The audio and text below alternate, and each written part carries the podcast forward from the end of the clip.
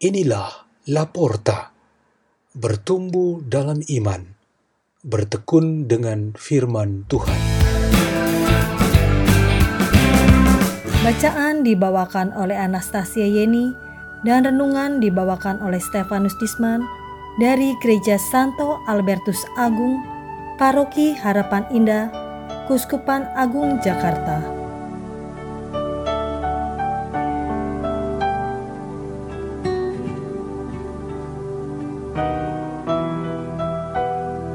Bacaan dan Renungan Sabda Tuhan Hari Sabtu tanggal 16 Januari 2021 Inilah Injil Yesus Kristus menurut Markus bab 2 ayat 13 sampai 17.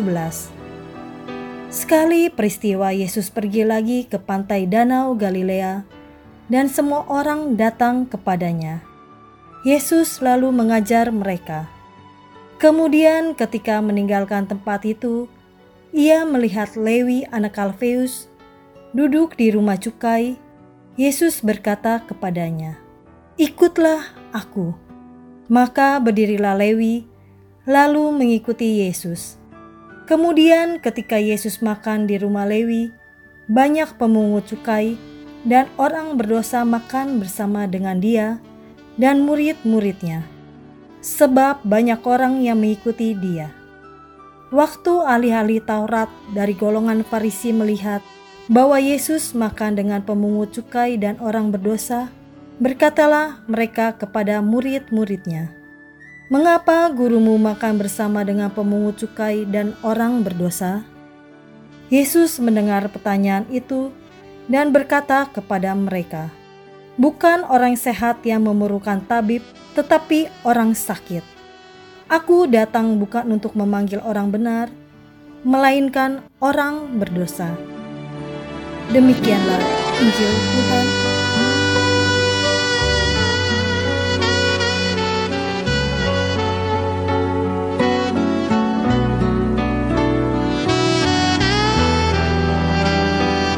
Renungan kita pada hari ini bertema sampah menjadi berkat.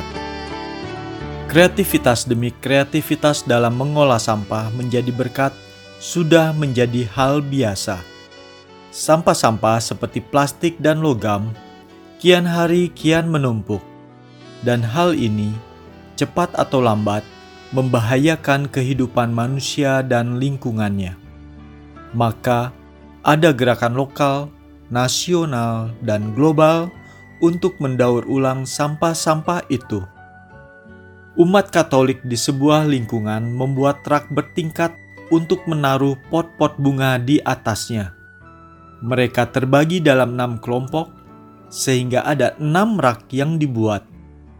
Bahan untuk rak-rak itu adalah plastik air minum kemasan yang dikumpulkan dari berbagai tempat.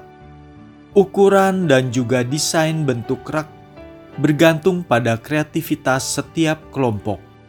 Yang penting, setiap rak adalah tempat untuk mengakomodasi 20-30 pot bunga. Akhirnya, lingkungan itu berhasil membuat sebuah pemandangan baru di halaman-halaman lingkungan mereka.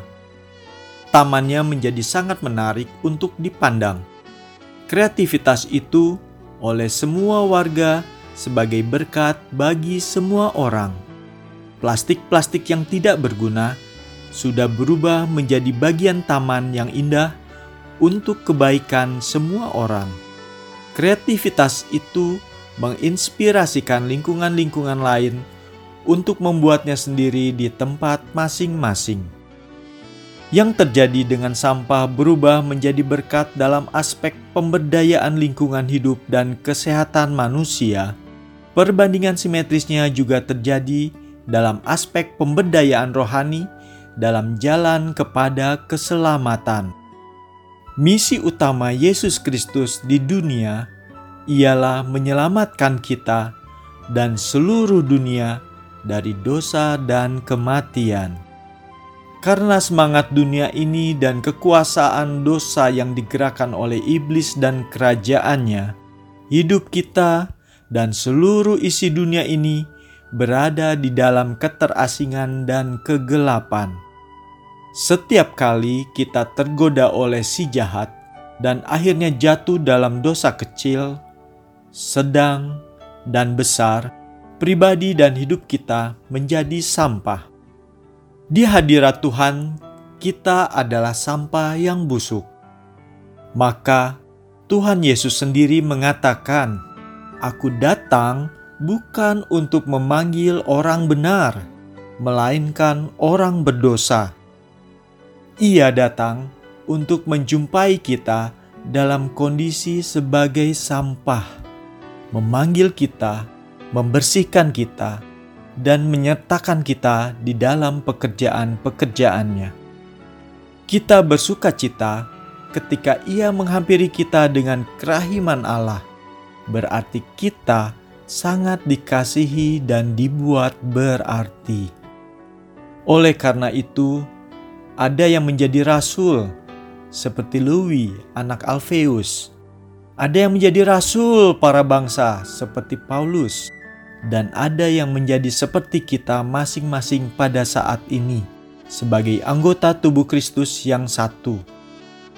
Melihat dan merenungkan diri kita masing-masing pada saat ini Sadarilah bahwa kita selalu menjadi sampah ketika berbuat dosa, tetapi Tuhan juga selalu mengubah kita menjadi berkat ketika kita menyesali, mengakuinya, dan bertobat.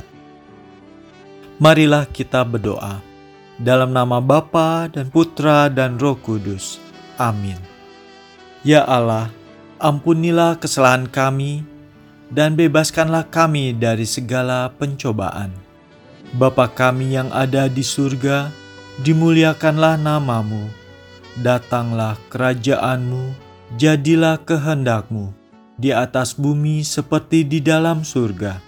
Berilah kami rejeki pada hari ini, dan ampunilah kesalahan kami, seperti kami pun mengampuni yang bersalah kepada kami dan janganlah masukkan kami ke dalam pencobaan, tetapi bebaskanlah kami dari yang jahat. Amin. Dalam nama Bapa dan Putra dan Roh Kudus. Amin.